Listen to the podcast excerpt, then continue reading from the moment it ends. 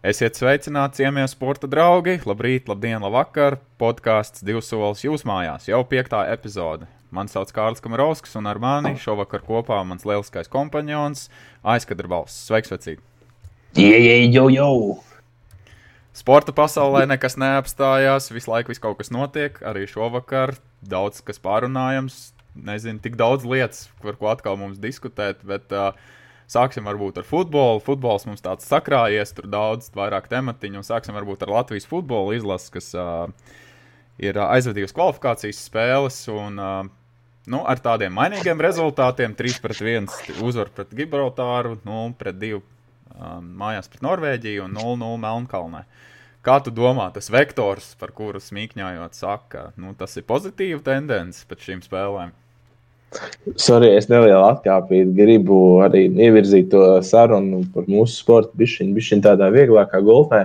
Atcerieties, pirms mēs sākām domāt par to podkāstu būtību, mēs štukojam, diez mums vajadzētu kaut kādu jinglu vai kaut kādu sākumu vienādi. Es esmu ieklausies to, ka tev izdodas katru reizi to visu pilnīgi vienādi pateikt. Mums nav vajadzīgs jingls, tu esi mūsu jingls. Man liekas, ka tieši ka katru reizi es, kaut, es sajaucu to kārtību, jo citreiz es. Nē, es... man liekas, tas ir pilnīgi viena. Tad tas absolūts nopietns sporta raidījums par divsolis.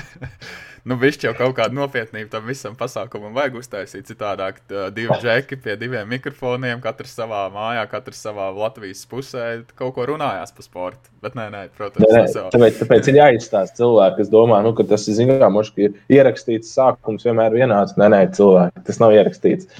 Kārlis vienkārši brīžam runā tā kā robots, ir īpaši sākumā. Bet man, labi, ir. Man ir atkačāta radio balss. Es vienkārši varu vienā tembrā, vienā intonācijā visu noplēst. Bet labi, jā, ne pat to stāsts. Stāsts ir Lat Latvijas, jā, Latvijas uh, futbola vektors. Pozitīvs vektors. Vektors ir ne par vektoriem. Tad, uh, nu, vektors noteikti tas ir, jo līnija ir diezgan vienāda, bet viņi ir augšupejoši. Nu, es nezinu, kopš Kazakēvičs ir pārņēmis uh, vadības grožu savās rokās, nu, kaut kāds pozitīvāks uh, ieskats izlases uh, rindās un spēles zīmējumā ir. Bet vai nu tas ir baigi augšupejoši, nezinu, nu, grūti spriest. Nu, to ziņā var vērtēt pēc kaut kāda nu, konkrētām, pēc cikla, pēc kaut kādiem konkrētiem periodiem. Nu, tad tu vari vērtēt, nu, kā tu tur ir kopumā gājis, un tu vari salīdzināt ar, ar citiem priekšgājējiem. Un, un vēsturiski, bet nu, kaut kādā brīdī liekas, ka ir labi, kaut kādā brīdī spēlējam super, un tajā pašā brīdī atkal ir spēles, kur nu, labāk. Labāk ir teikt, ka tu neesi Latvijas ja no futbola. Vai ka tev vienkārši nepatīk futbols un tu nesako futbolam līdzi? Uh, nu, vai arī tā, bet, kā saka, nu, kā, piemēram, man ir grūti pateikt, ka, oi, nē, nē, es futbolu nesakoju, jo, nu, ja būt, nu, jo vienmēr gribās redzēt, un, nu, tīpaši, kad ir kaut kādas jaunas sejas, vēl vienmēr gribās redzēt, nu, kā tas kopā izskatīsies, un kā varbūt izskatīsies tas konkrēt, konkrētais individuāls, kas, piemēram, tajā spēlē ir uh, pieteikts. Nu, es, man izdevās visas trīs spēles no, noskatīties no zvana līdz zvanam. Nu, zin, citreiz, nu, respektīvi, ikdienā skatoties, piemēram, Anglijas Premjerlīgu vai UEFA Champions League, nu, tu esi pieredzējis pie tās augstākās raudas futbola. Bet tad, kad es paskatos citreiz tos mūsu džekus, nu, tad, tad tā, tādas pārdomas raisās. Jo um, Latvija ir pierādījusi, ka mēs sportā nu, mēs esam talantīga zeme, mums ir daudz labu sportistu, daudz uh, talantu. Uh, Bet nu, tā izmocītā uzvara 3-1 pret Gibraltāru, nu, tur es negribu baigi komentēt. Nu, tas bija vienkārši drusku haļavčiks, ja, kad izdevās izvilkt to uzvaru. 0-2 pret Norvēģiju. Nu, arī tas ir rezultāts, ka 0-2 ir tikai, jo tur varēja būt vairāk. Mēs vispār pirmajā puslaikā pāri savam, savai laukuma pusē netikām īsti. Un tas, ka tur Holands tur neie, neiekabināja vairāk bankas, tur veiksmi Viņi arī pat stābu trāpīja, un tur vēl viņam veselu momentu jūra bija. Tur. Ozols beigās tur rādīja, sākumā Steinbors, Steinbors pēc tam savainojās, tad Ozols rādīja brīnums. Un 0-0 Melnkalnē arī pateicoties Robertam Ozolam, tādam lieliskam sniegumam, tur praktiski autobus bija noparkots Podgoricā, nu, Latvijas, Latvijas autobuss. Nu, tur, uh, Viņiem jau momentā arī bija ļoti daudz, bet nu, nu, nu, līdz ar to tad, it kā pozitīvas tendences ir, bet tāpat laikā nu, negribētos baigt teikt, ka tas izskatījās kaut kas šausmīgi iepriecinošs un tāds pozitīvs. Jā, bet ilgstoši vienmēr domājis, nu, kas, ir, kas ir tā lieta, kas mums nu, bezmazliet traucē spēlēt. Pats minēja, tagad tie autobusi ir noparkojuši, un tas bezmazliet ceram uz 0-0 vai, vai, vai uz galīgi maziem rezultātiem, jo nu, ne paši spēlējam, ļaujam pretiniekam spēlēt. Bet kas ir tas, kas mums. Kāpēc mēs tik ilgi, jau cik gadus, nezinu, 11 gadi jau izlasē ir tādi, kas visu laiku iet uz leju, uz leju, uz leju, un, un, un, tas līmenis tikai krītās.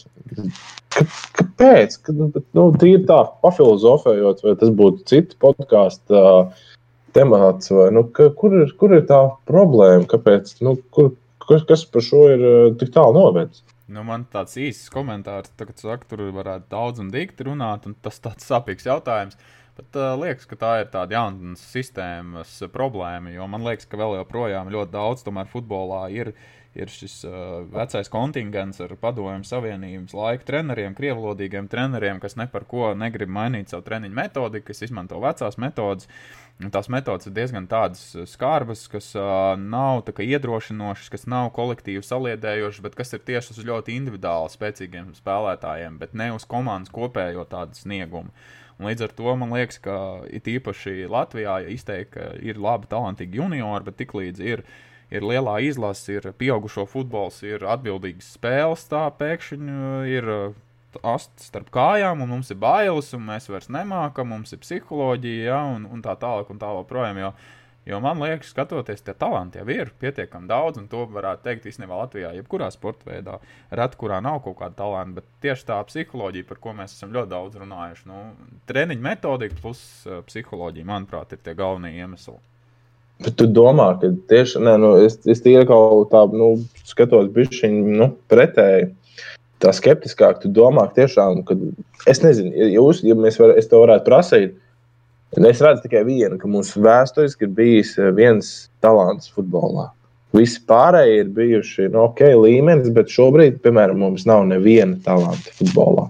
Un es nevaru nosaukt to, ka viņiem būtu pārliecība, psiholoģiskā stabilitāte nu, ka viņi būtu oh, uzreiz tur Eiropas eh, čempionāta cienīga komanda. Nu, Laukot vismaz tuvumā tam. Nu, noteikti, nē, nu, tur, tur ir. Nu, tur skills atpaliek nu, kilometriem. Riktīgi, riktīgi atpaliek. Nemaz nerunājot, nu, labi, varbūt. Ja nu nav, jo pat šobrīd viens konkrēti viens spēlētājs nav tāds, kurš teikt, nu jā, šī džeks varētu, piemēram, spēlēt Vācijas Bundeslīgā vai Eiropas vai Anglijas Premjerā. Nu, nav neviena tāda domā vispār. Nu, es domāju, mēs visi saprotam, ka tur runāja par Māru Verpakovs, kas bija mums tieši tā, superzvaigznes. To, to, to es biju domājis, jā, tu pareizi saprati. Tā kā, nu, es tev piekrītu, ka, nu, labi, Aleksandrs Cauņš bija pēdējais, kas ir Čempionu līgā no mūsējiem golu ielicis, jā, viņš vēl labā līmenī, Maskavas CSK, ko viņš pārstāvēja, bet viņam savainojumi patraucēja. Viņš arī būtu bijis, nu, arī, viņš jau bija labi, labi līmeņa spēlētājs, bet, bet arī, kā bet tu viņš... saki, viņš nebija superzvaigznes. Viņš bija Latvijas līmenī, labs, labs tipa, līderis, bet, ja kaut kā skaties, nu, nu, man jau tomēr gribās skatīties, nu, neskatāmies, zin, kā, nu, ienāc, nezinu, tur sektu karalis starp uh, sūdiem vai, vai, vai, vai, vai karali vai, vai nu, bombas lielpilsētā. Un skaidrs, ka, nu, uz ko tu vērtēji, tu salīdzini ar pārējiem latviešiem, jā, nu, tur mums ir daudz līderu, bieži arī šobrīd izlasē labi, talantīgi.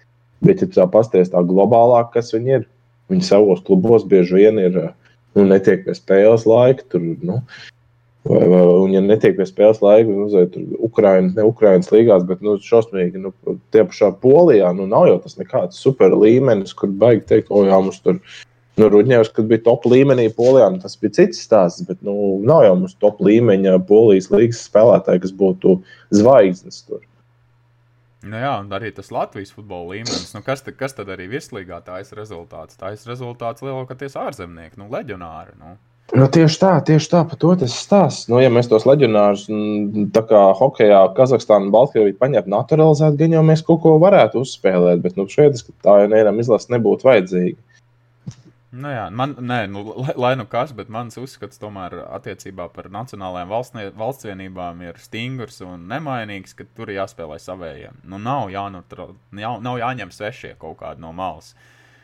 Nu, tas liekas vispār pilnīgi galīgi garā. Nu. Bet tad es tad tieši arī nu, atgriežoties. Man liekas, ka problēma, nē, nu noteikti problēma ir jaunatnē, jo viss tas nāk no, bet tad zinot, kādas valstis bieži vien futbolā tiek pārstāvētas, cik nabadzīgas, cik briesmīgas, liekas, tur vispār treneri nav. Viņi tikai redz bumbu un kaut kur pa smiltīm, pa akmeņiem, rambā, futeni un spēlē beigās pasaules kausā. Tu nesaproti, nu, kā tas vispār strādā, kāpēc viņi pēkšņi māk spēlēt, un mums, kuriem ir nu, salīdzinoši normāls, augsts labklājības līmenis, nu, nu nevaram noliegt. Nu, tā ir. Nu, un, un, un pēkšņi nē, redzam, mūsu Latvijas bāliņi tur uztraucās par to un šito, un līdz ar to tāpēc viņi nevar uzspēlēt futbolu. Es nezinu, nu, tāpēc saka, tas tāds.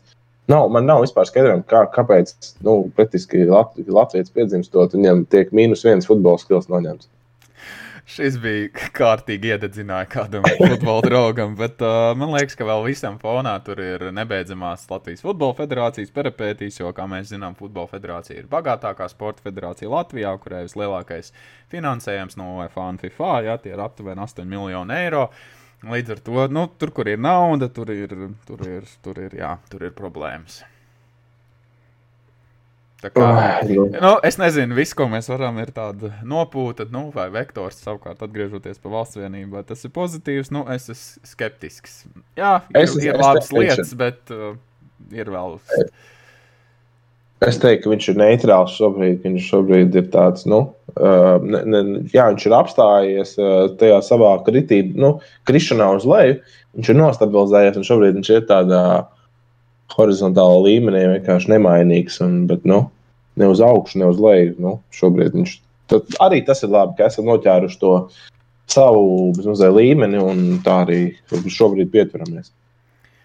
Bet ķildes ne tikai ir Latvijas futbolā par Latvijas naudiņām, bet arī šajā pasaules kausa kvalifikācijas turnīrā, nevis Eiropas zonā, bet uh, Dienvidamerikas zonā. Nu, tur, tur pavisam jau tur ir gājis, un tur ir bijis konflikts starp Anglijas Premjerlīgu, kas negribēja savus futbolistus laist vispār uz izlasēm. Un, uh, Tad savukārt pēc tam, kad uh, viņi aizbrauc, tomēr bez mazliet tur, nu, tur vesels tāds, uh, kā varētu teikt, tāds kārtīgais seriāls tur ir gājis vaļā, jo uh, beigās uh, argentīnieši tur nav pašizolāciju ievērojuši un spēle pret uh, Brazīliju desmit minūtes uh, maču nu, tika nospēlēts un tad tika apturēta un pārtraukta. Un Un vai viņi tad pēc tam drīkstēja piedalīties Anglijas Premjerlīgas spēlēs, jo pēc tiem noteikumiem viņiem desmit dienas ir jāsēž tur savā pašizolācijā. Uh, Uh, bet šoreiz nestāstu par uh, futbolu tik ļoti, bet cik par to covid. Kā tev, kā tev šķiet, tagad uh, lielākoties visur Eiropā un pasaulē tie rādītāji aug, vai tas būs tāds smags trieciens futbolam un vispār sportam, kad sāks atkal kaut kādi stingri ierobežojumi?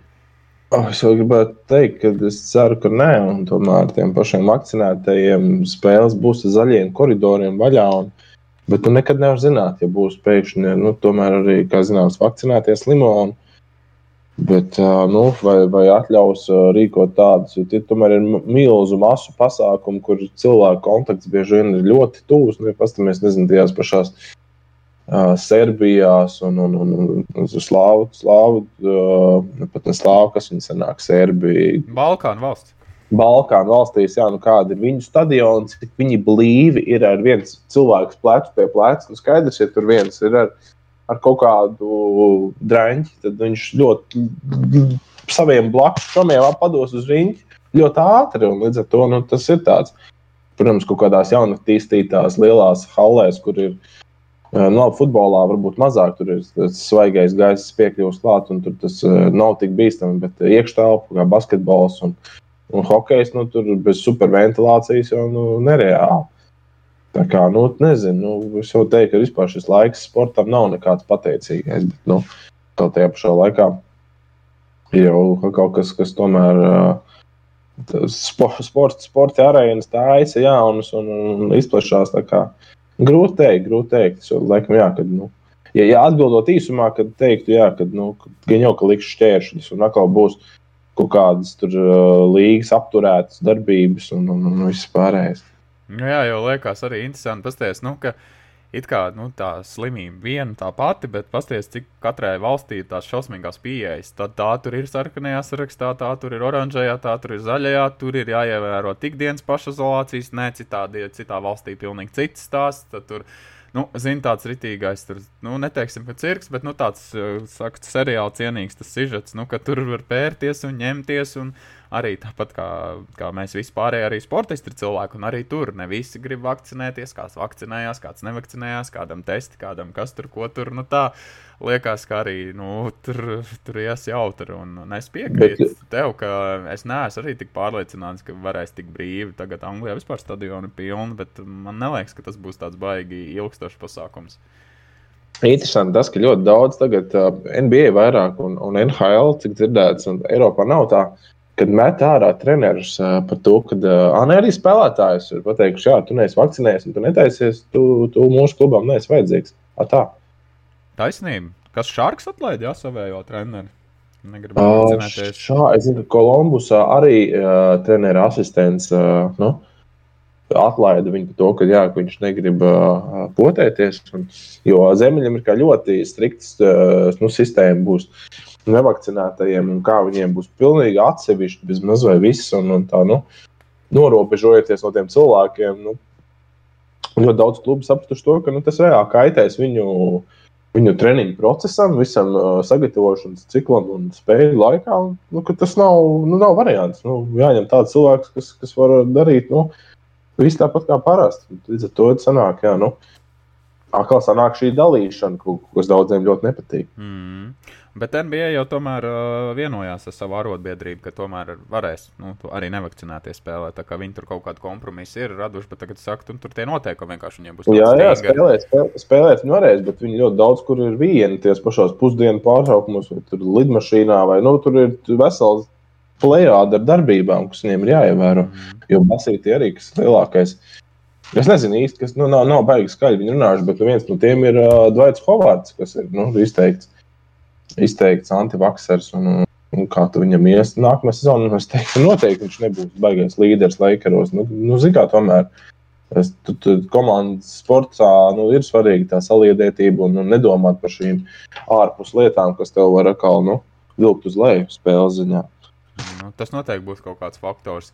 Bet uh, atgriežoties par Anglijas Premjerlīgu, ne tik daudz par, uh, par drāmu un par kaut kādu ziepa operas izžutiem, bet par tādu sapņu lietām, jeb tādām prieka lietām, mēs varam parunāt par uh, Manchester United jaunieguvumu, Kristānu Ronaldu, nu, kuram ir nu, izcils sākums teju. Nu, es nezinu, ko vēl kādas sinonīmas atrast, lai nodefinētu debijas spēli atpakaļ savā vecajā komandā. Uh, iel, ielikt divas bankas ņūkās, lai, nu, nu laikam tas džeks māca sīst bumbu vārtos.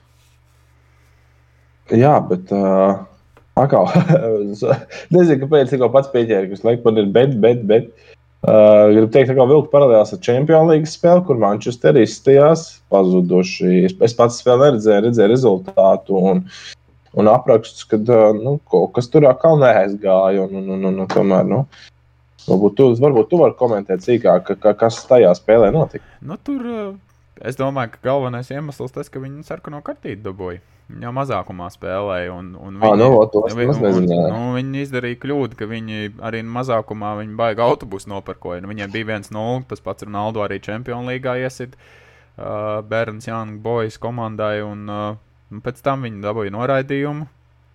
Van Bisaka dabūja sarkano kartīti, un tad tā spēle viņiem galīgi pajuka. Un beigās, beigās pat smieklīgākais Ronaldu nomainīja Jesse Lingards, un Lingards bija tas, kas otro golu atveda. Nu, tā es teiktu, uz savu, saviem vārdiem. Iedeva piespēli Angolā. Nu, tā kā, Bet, uh, bet vairāk par tādu Premjerlīgas to, nu, man liekas, ka tas Ronaldu sākums, nu, un tie goli arī, nu, nu tāda nekāda. Nu, tur viena no vārtu prieks, viņš tur, protams, ņūkās lielika tur tukšos vārtos. Un, uh, Otru viņš ar kreiso kāju vārdsargam caur kājām izsit. Nu, tā, tā, tad, tad laimīgi, nu, tie goli nu, iekrita, bet nu, viņam laikam tā veiksim kaut kādā mērā stāv visu laiku klāt. Nu, Un uh, pēc tam Britu presa rakstīja, ka tā ir skatītākā Premjerlīgas spēle vēsturē. Tur 8, 9 miljoni briti bija noskatījušies to dueli. Ja? Manchester United, Newcastle United to spēli. Kā, bet uh, man liekas, ka nu, tas ir tāds skaists sākums, bet vai būs tikpat skaists beigas, un to laiks rādīs. Kā tev šķiet, vai viņš 20 gols Premjerlīgā iesitīs šo sezonu? Cik Premjerlīgā spēles uh, ir tā overall? overall? 3, vairāk kā 20. Mm, 38. Noteikti. 20 viņš noteikti iesitīs. Nu, viņš, jau, nu, saka, viņš ir spēlētājs, saka, tagad liekas, nu, darīt tādu. Saka, viņu, oh, tur tāda nekāda, te goli, liekas, ka paveicās. Bet tie ir tie lielākie skoreri. Viņš tos vienkāršos gols, ko viņi iesit, bieži vien arī viņam pārmet. Viņš bija skatītāju vidū Penaldo, ka oh, viņš jau tikai pendels sit, viņš jau tikai tos vieglos gols. Bet, bet tā jau arī ir tas, ka viņš uh, tos vienkāršos momentus re realizē. Viņš neiznieko kā dažs labs, cits labs augsts līmeņa futbolists, ka liekas, nu kā te var neiesist. Ronaldo ir maz tāda epizode. Viņš iesit viņus, bet viņam atkal pārmet to, ka nē, viņš tur vieglos goliņus pret vieglajām mazajām komandām sit iekšā. Bet tā padomā, nu, nu, okay, nu kur, kur, kur tad tu esi vai, vai, vai kur ir citi, kāpēc? Tāpēc Ronaldo šobrīd ir vēsturē labākais golskorers no, no sērijas. Nu, tāpēc mēs visi esam arī kā mēs, eksperti, divāni eksperti. Tieši tā, bet arī bieži vien, kā, ne jau pat uh, eksperti, bet arī paši futbolisti. Nu, nav jau tādu, saku, ka tas diži labāk būtu par to pašu Ronaldo Mesiju. Nu, nu, lai vai kāds viņa gols sistu, vai kāda viņa bieži būtu tur ārēji un tā tālāk. Nu, Viņi ir kaut kādi, nezinu, no cit, citām planētām, džeki, runājot no futbola planētām. Tā kā šis laiks, no. kamēr viņi spēlē, mums ir jāizbauda. Nu, tas ir tam es piekrītu. Bet atgriežoties pie sākuma jautājuma, vai 20 vārdu sezonā, nu, sāksim ar to, ka Edisons Kavanī tagad ir savainots. Viņš atgriezīsies.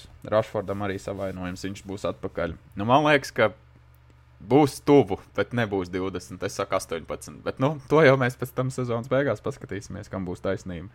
Kurš kuram tur aliņu pirks, lai gan es nedzeru. Bet, bet no aliņa vienmēr var nopirkt. Tā kā, bet uh, savukārt par tādām sliktākām lietām runājot, uh, Premjerlīgā Londonas arsenāla diezgan tā ļoti, ļoti nu, briesmīgi, varētu vārdu lietot, ir iesākuši. Un at, vienu brīdi pat atradās vispār Premjerlīgas pašā pagrabā, pašā, pašā mm, man liekas, pirmspēdējā vietā. Un tagad, jā, viņi pirms tam, pirms um, vinnēja pagājušā nedēļā Norviča City 1-0 arī tur abiem Jānis iesit. It kā tur bija pacelšies tajā tabulā, bet nu, es nezinu, cik viņas sitienas neizdarīja. Tu, tur bija, jā, viņiem bija ļoti daudz, kā jā, tas statistikā, bet nu, tikai viens no viņi uzvarēja. Tā kā tāda smaga beigās tā uzvara. Un, Nu, es nezinu, liekas, man galīgi nepārliecina ne viņa sniegums, ne, ne, ne, ne komandas tā. Nu, Kā tā komanda uzbūvēta, jo mēs runājām un smējāmies. Viņi iztērēja šovasar 150 miljonus nu, kā, man liekas, ka eiro vai arī mārciņa. Nav svarīgi tā valūta, bet 150 miljonus, bet ko tad viņi baigi nopirkuši? Nu, tā. Neko. Nu, tā ir. neko. Superzvaigznes tur nav. Ziniet, skaidrs, ka ļoti bieži nu, no psiholoģiskā viedokļa arī Dienāmo ir bijis jau tas, ka. Uh, nu, zinā, kalendāru tu vari iesākt dažādi. Tu vari iesākt mājās, tu vari iesākt izbraukumā, tu vari iesākt par tādiem nu, grandiem līderiem, kuriem tu nozāģē. Tu nokrītās tavu pārliecību, kas ir iegūta starpsezonā, sagatavoties no tālāk. To nokrīt pārliecība, un tad tas sākums ir tāds briesmīgi lēnīgs. Un, vai tu izrāpies no tās bedres, dināmo gadījumā pēdējā sezonā bieži vien mēs neizrāpjamies, mēs nosēžamies, un tā arī viss aiziet. Bet nu, es tāpēc saku, būtu arsenālā, piemēram, kaut kādas spēles, pirmās pat lejas gala komandām, uh, būtu pilnīgi cits skats, un, un, un, un, un, varētu būt tā kā, mēs pilnīgi nebūtu šī saruna. Tāpat arī Lestera, kad izcīnīja savu titulu leģendāro fērītēlu, Viņam arī sākums bija ļoti labs, ļoti parocīgs. Nu, bija vieglās komandas, relatīvi vieglas spēles. Viņi iegūta to pārliecību, viņas laika ir augšā, augšā. Visi runāja, nu, kā, tas jau pagaidām, tikai kas tūlīt nāks, lielie dūži pretī, tad viņi kritīs. Bet viņi bija atkal ieguvuši to pārliecību tajās spēlēs, kuras tās vienkāršās izmantojuši to kalendārā, to plusu, kāds viņš ir sastādīts, nu, atkal izmantoja. Kā, nu, tas, tas, tas nevienmēr ir. Saku, varbūt nākamajā sezonā šo pašu sastāvu viņa kaut kā pilnīgi citādāk spēlēs, neko nemainot. Tam arī ir nozīme, ar ko tu spēlēji sezonas sākumā. Top 6 šo sezonu reāli viņiem? Nē, es domāju, ka nu, redzot, kas, kas ir augšā šobrīd, kā, kā tās komandas spēlē. Un, nu, top 10 gan jau viņi būs. Nu, neticu, ka viņi izskatīs tik tālu. Bet, uh, Bet top 6 varbūt būtu paskaļi teikt. Nu, man liekas, ka viņiem būs grūti pat tajā top 10 tikt. Jo Nārtēta ir ļoti labs treneris, bet man liekas, ka tomēr kaut kā viņi nav trāpījuši to sastāvu komplektāciju. Man liekas, ka es nezinu, kas vai, vai pats Tēta viņiem tur to komplektē, vai ģenerālmenedžers, vai, vai, vai kas viņiem ir atbildīgs par to. Nē, es tik sīki pētījis, bet liekas, ka no nu, tiem transferiem īsti nav trāpīts. Ben White viņi tagad no Viņi nopirka no Brightona Hovs jā, par 50 miljoniem. Nu, tāpat laikā mēs jau smējāmies. Tur varānu tu vari nopirkt no Madrides par 40 jā, vai pat vēl mazāk. Tur viņam tā summa bija. Tā kā, nu, liek, liekas, ka tie citi klubi jūt, ka Arsenāls ir gatavs baigi pārmaksāt par tiem spēlētājiem. Viņi tā kā tādu govu noslauc. Nu. Bet, zinām, ne tikai Arsenāls, bet Angļi par saviem, par angļu spēlētājiem maksā nenormāli daudzas reizes vairāk. Nu, Grīlis 600 miljonus izmaksāja. Jā, jā, sakiet, Tā kā angļi sāk starp, staigāt, staigāt savā starpā starp klubiem, tur ļoti augsts cipars, neadekvāts cipars bieži vien. Nu, bet nu, tas, tas pats mans pieminētais Grīlis nu, tomēr ir ļoti labi iesācis City komandā. Nu, viņš ļoti labs, labi ir sal, salīdzis savus goliņus. Tā kā, nu, kādam Nezinu, tas cipars ir objektīvs. Nu. Tu nevari salīdzināt uzbrucēju ar aizsargu, jo par aizsargu jā, jā, tā, ka, nu, kā, nu, ja tu nepēci to. Te, Ramos skaidrs, ka nu, tev būs biežāk liksies, ka viņš jau nav pamanāms. Jo no nu, aizsargs ar to domu, ar funkciju.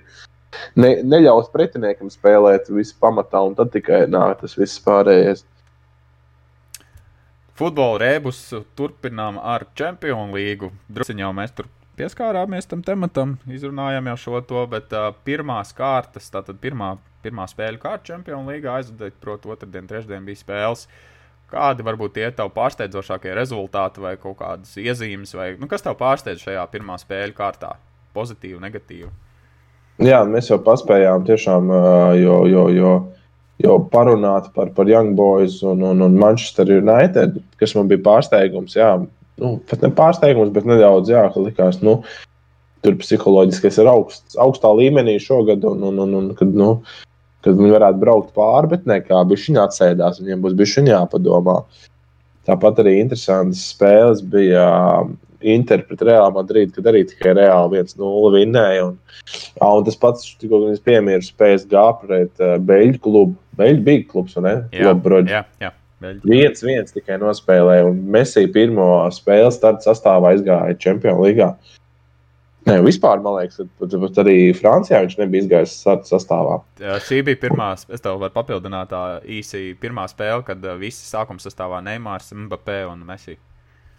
Un beigās jau viens viens nav spēlēt. Tā kā, nu, pirmā kārta bija tāda, likās, ka nu, pēc spēlēm, astoties sākumā kalendārā, man likās tikai viena spēle būs tāda, kurai man gribētos redzēt, ir uh, Madrida pret Interu. Bet beigās pēc rezultātiem, nu, nekā ir bijusi daudzas interesantas spēles. Vai tu zini, ar ko bija īpaši Seviļas un Zeltsburgas spēle? Ui, nē, galīgi nē. Tiesnesis piešķīra 4 11 metru sodsitienus, no kuriem divi netika realizēti. Spēle beidzās 1-1. 4 spēles, bet spēle beidzās 1-1. Tā nu gan statistika. Kur tik daudz ar piešķirt? Es arī nezinu, bet tas, tas ir uh, pirmo reizi tik daudz ir uh, vienā mačā piešķirts Pendels Champions League. Tur ir ļoti seviļā bija jautra spēle. Un, un interesanti, jā, ka tik kā, daudz tās vārdu gušanas iespējas, bet viens viens rezultāts. Vēl man likās, kas tāds vērts pieminēt negatīvi, ir absolūtā Barcelonas impotence pret Mīnhens Bayern 0-3. Neviens sitiens vārtu rāmī Barcelonai. Nu, nu, šausmīgi liekas traģiska situācija.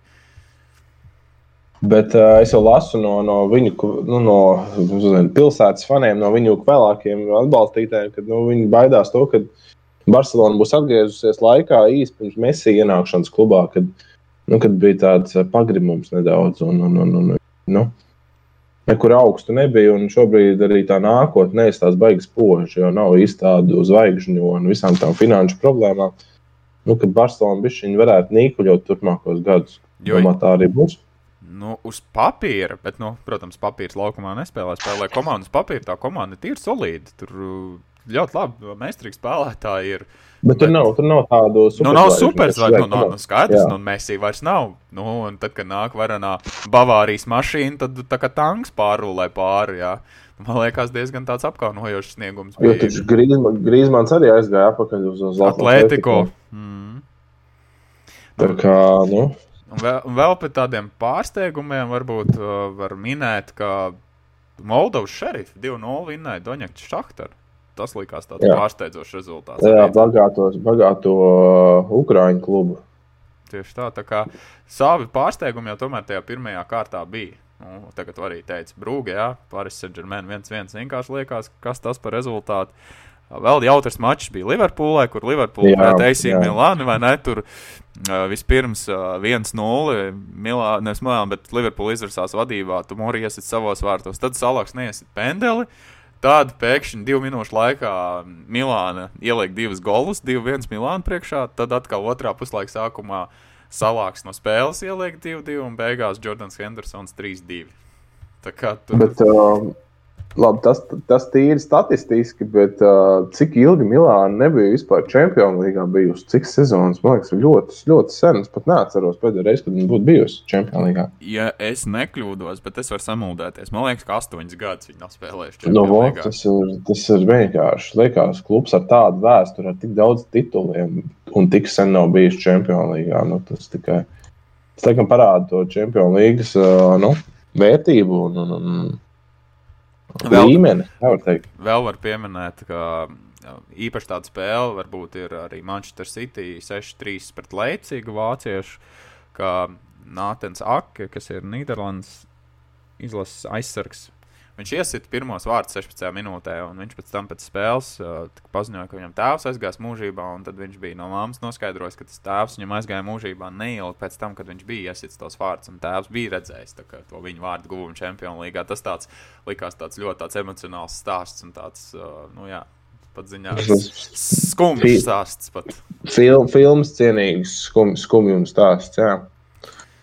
Bet, nu, 6-3 pamatīgi saplosīja City. Nu, tas, ka mēs zinām, ka City var tur saplosīt vienu otru, tas ir skaidrs, bet viņiem ir tendence nosēsties sezonas otrajā pusē. Tas, ka viņi tagad tā izcili sākuši, tas vēl nav liekas. City izcili parāda to, ka viņi spēlē izcili graujot mazos, bet līdz runa pienāk pie lielajiem vīriem, tā var teikt, lielajiem klubiem, tad sākās uh, klibošana. Tā, tad vēl īsi var pieminēt, ka Chelsea šausmīgi, kas ir pašreizējā Champions League uzvarētāja, ļoti mocījās pret Zenītu. 1-0 tikai spēle nekāda. Pirmais puslaiks vispār bija briesmīgs. Nu, tad beigās ar Lukaku nokārtoja uzvaru, kuram starp citu četrās spēlēs četru vārdu guvumu. Tā kā visu to, ka pa viņu tika iztērēt 100 miljoni, ja? liekas, ka. Atmaksājies? Liekas, ka būs jā, lietas koks. oh, tad ir ļoti labi Chelsea faniem. Bet uh, runājot par uh, dažādiem jaunieguvumiem, jaun, jaunpirkumiem, pārvirzoties domāju, nedaudz no futbola, mēs esam jau labu laiku nopļāpājuši, jāparunā arī nedaudz par citiem sportiem. Kā tev uh, mūsu leģionāru uh, hokeja sezonu iesākot, uh, kāda kād tev pārsteiguma par viņiem? Nu, man liels pārsteigums bija par uh, Rihardu Bukārtu, kurš uh, admirālī bija ļoti, ļoti labi sācis. Bet, uh, Nu, cik muļķīga var būt, ka trauma var reāli nu, izčakarēt visu to, to labo izdarīto. Nu, tagad viņš cirksni savainoja, un nu, viss, nu, tagad viņš nevar divas vai trīs nedēļas spēlēt. Man liekas, ka nu, cirks, cirks, cirkšņa traumas ir tādas, jā, kad nu, var atsēdināt arī uz vēl ilgāku laiku. Kā, nu. Nu, tas tāds man likās tāds ļoti priecīgs notikums, bet tāpat laikā nu, tāds. Nu, ne līdz galam, jo viņš to traumu norāva. Bet kopumā viņš ir ļoti labi sācis. Liels prieks par Miku Indrašu, kuram arī ļoti labs sezonas sākums. Arī Jānam, Jānim Jakam liekas, ka ir, viņš labi sočos ir uzņēmis tāds apgrieziens. Man liekas, ka vispār priekš izlases, jau, jau vairāk, ka tūlīt uh, mums būs olimpiāda. Man liekas, ka tas sastāvs un tas, ka mūsējie labos klubos spēlē līderu lomas un ka viņiem ir tāds būtisks pienesums, man tas tā silda sirsniņa, kā teikt. No, tieši, te, tieši tas stāsts, mēs, kas mums futbolā trūks, kad uh, mūsu līderi spēlētu līderu lomu savos klubos ikdienā pie liela spēles laika, liela atbildība un veidot to rezultātu. Jo pēdējā sezonas latviešiem, nu, jo visu laiku tā nebija. Arī bija sezonas, kad mēs tieši runājām, ka latvieši to tik mākā spēlēt mazākumā un, un, un 4. un 3. maiņā, bet tagad pēdējos gados, jā, latvieši sākuši braukt uz Čehiju, Šveici, arī tagad braucu KL tādiem zemāku līmeņu klubiem, kā Admirāls, kur daudz, daudz smīkņāja un teica, nu, ko tad viņš tur darīs, aizbrauc uz klubu, kur visstrakākā ceļošana un, un visstrakākie apstākļi ar naudām, ar, nu, ar visu, visu. Nu, tas tāds pārbaudījums, bet, nu, redz, ka Rihards Bukārts gāja tam visam pret. Viņš pat no sākuma baigi daudz, pat vairākumā nespēlēja un bija zemās maiņās tur ielikts. Un, Un spēles laiks viņam arī nebija lielākais, kaut kāds 5, 6 spēles laiks lielākais. Bet uh, nu, piecās spēlēs savus 5 punktiņus salsīja. Un tad nosēdās, un, un, un, un Jaks arī jau minēja, iesāka ļoti labi. Bet, nu, bet, uh, nu, tas bija divās, trijās spēlēs, bet nu, jau piecas spēles ir uh, pa tukšo nospēlējis. Nav, nav neko vairāk salsījis, bet nu, spēles laiks viņam ir uh, lielākais komandā. Un, un ja pareizi dzirdēju, Jānis Jakam ir mazākā alga starp leģionāriem Sočos. Bet vai tas, ka, nu, labi, Jānis tur tie punkti bija sākumā baigi labi, nu, labi, tu saki, drusku viņš kā nosēdies, bet vai tad aizsargām, nu, tad, tad ir primāri mērķis, tā kā tos punktus baigi vākt, tas jau tomēr uzbrucēji. Nē, nu, tas, jā, nu, tā, tā nevar vairs skatīties, jo ho hokejs ir palicis pārāk dinamisks sports un, un nav vairs tādu nodalītu, striktu uzbrucēju. Jā, varbūt aizsargiem ir tas dalījums, ir tas stay at home, mājās paliekošie, kas tikai domā par aizsardzību un, un, un uzbrukošai, nu, tur vēl varam dalīt tās paralēlas, bet Jaks ir izteikts uzbrukošais aizsargs, un viņam tieši ir jāskatās. Viņam, viņa vērtība ir tā, ka viņš dod to pienesumu uzbrukumā, ne, ne, ne aizsardzībā. Aizsardzībā viņš ir nu, klibot, tas ir viņa vājais posms, bet, bet viņam ir tieši jā, kad uz viņu neatiecās tas, tas, tas teiktais, ka viņš ir aizsargs, viņam jau nebūtu jāmet golu. Nu, tad īsti nav tā viņa vērtība augstā vairāk. Klausies, Indrašs diezgan arī plosās, liekas. Viņam supermaiņas partneri ap divi somi ir, kur ir starp uh, rezultātu. Altonets bija ja, laikam uh, pats, pats pirmais līgā. Nē, Šipačos bija pirmais, bet nu, tur, tur tāda ķīmija viņiem ir izveidojusies ar tiem diviem. Nu, cerams, viņi noturēs veselību visi trīs. Un, jo viņi tā nu, tik labi saspēlējās, ka tur tik atteikti, ka saka, pāris ēdas piespēles iedot, un tev jau punktiņu lasās. Nu, man liekas, no tās ķermeņa valodas, nezinu, paskatoties tos golu video, ka Mikls reāli izbauda beidzot to spēlēšanu. Viņš izbauda, ka viņš ir viens no līderiem, ka viņš met iekšā un ka viņam tā spēle pagaidām diezgan tā no rokas iet. Arī Forši noteikti psiholoģisko būstu ir iedevusi olimpiskā kvalifikācija, kad uh, viss aizbauda ar pacelātām emocijām un, un labu garstāvokli saviem klubiem. Jo, ja būtu zaudējuši, tad noteikti iespējams daudz neiesākt tik labi. Bet uh, man liekas, ka tā nu, nu, relatīvi pieticīgi ir uh, sākuši svei, šveicieši. Tad, tad Daugaviņš un, un ķēniņš un kaut kāds punktiņš viņam tur savākuši. Bet nu, liekas, ka no viņiem tā kā drusku vairāk gaida, tīpaši no Daugaviņa. Pats sākums, es domāju, nu, zin, kā, nu, tur var. Nu, Daugaviņam arī jauns klubs, tikko, tikko iesācis un tagad arī um, sagatavošanas laiku, viņš kaut kādas pāris pārbaudas spēles viņiem uzspēlēja un tad brauc uz izlasi. Nu, tas arī noteikti var ietekmēt Es neesmu skatījies, kurā maiņā viņš spēlēja, kāds ir spēles laiks. Iespējams, tas ir uh, ļoti daudz saistīts, jo seku uzbrucējiem praktiski. Nu, Viņu punktus galvenokārt lasa vairākumā. Un, ja piemēram, Dārgājs šobrīd nespēlē vairākumā, nu, tad, tad diezgan loģiski, ka viņš četrās spēlēs ir 0 plus 1 nopelnījis tikai. Nu, bet sezona ir gara un, un, un, un nu, skatīsimies to ilgāk, nevis pēc pāris spēlēm ķēniņiem. Pats nu, tikko, tikko sezonas sākums izlasēja pabijis. Un, un, un, nu, Dzirkals arī vēl diezgan labi liekas, sezonu iesācis. Man liekas, nu, lai nu kas, bet par hokeju un par mūsu izlasi man ir, nu, es saku, tāds sirds mierīgi. Ir. Tur man nekāds vispār stress nav. Tur liekas, ka čaļiem viss būs labi ar spēles laiku, viņi būs līderi savās komandās un kad uz olimpiādu viņi būs gatavi. Nu, lai Dievs dod kā veselību. Tas, tas jā, galvenais, tas, tas, Tas ir, lai, lai visi labākie, nu, visi labākie ir pieejami, veseli, un tad jau, zin kā, izvēlēties starp visiem, lai, ir, lai treneriem ir tās labās galvas sāpes, kur tu ņemt, kur tu neņemt. Un, bet, nu, zin kā, tas ir daudz labāk, kad ir tomēr izvēles starp visiem, nevis, ka tev traumas kaut ko iespaido. Runājot par hokeju, drīzāk interesē. Tagad sākusies jauno treniņu hokeja treniņu nometnes Ziemeļamerikā, un, un, un, un, un vairāk mūsēji ir izvēle arī piedalīsies. Traumaks un Egli piedalīsies. Pēkšņi izkrita no galvas, kurā klubu pārbaudēs, ah, Bostonā, ja nemaldos. Un, un, un, un tā kā, nu, ir cerība, nu, ne, no, es neteiktu, ka ir cerība, varbūt baigā, bet uh, ir labi, ka arī mēs tur esam un esam redzami, kad varbūt nākotnē arī varam vēl kādus uh, jaunos hokeistus redzēt pie apgāšanas. Nu, Ziemeļamerika jau ir jebkuram, man liekas, tāds sapnis. Ne tikai hokeja, tas arī basketbolā. Nu, kad būt tur, būt tajā vidē, tas jau vien ir baisais ieguvums. Viss tā, tā mentalitāte, ko viņi māca, un, un tā treniņa metodika. Un vispār būt vienkārši starp labākajiem. Nu, kaut vai tu trenējies, tur varbūt netiec tur pie spēles laika. Bet, nu, jā, redzēsim, kā tad mūsējiem arī tur okeāna otrā pusē ies. Tā kā bija, es klausījos interviju ar Bārtuli. Uh, Interesants, interesants fakts. Pēkšņi, man liekas, aizmirst, bet, ja nemaldos, astoņas sezonas NHL mums nav bijis neviens latvietis.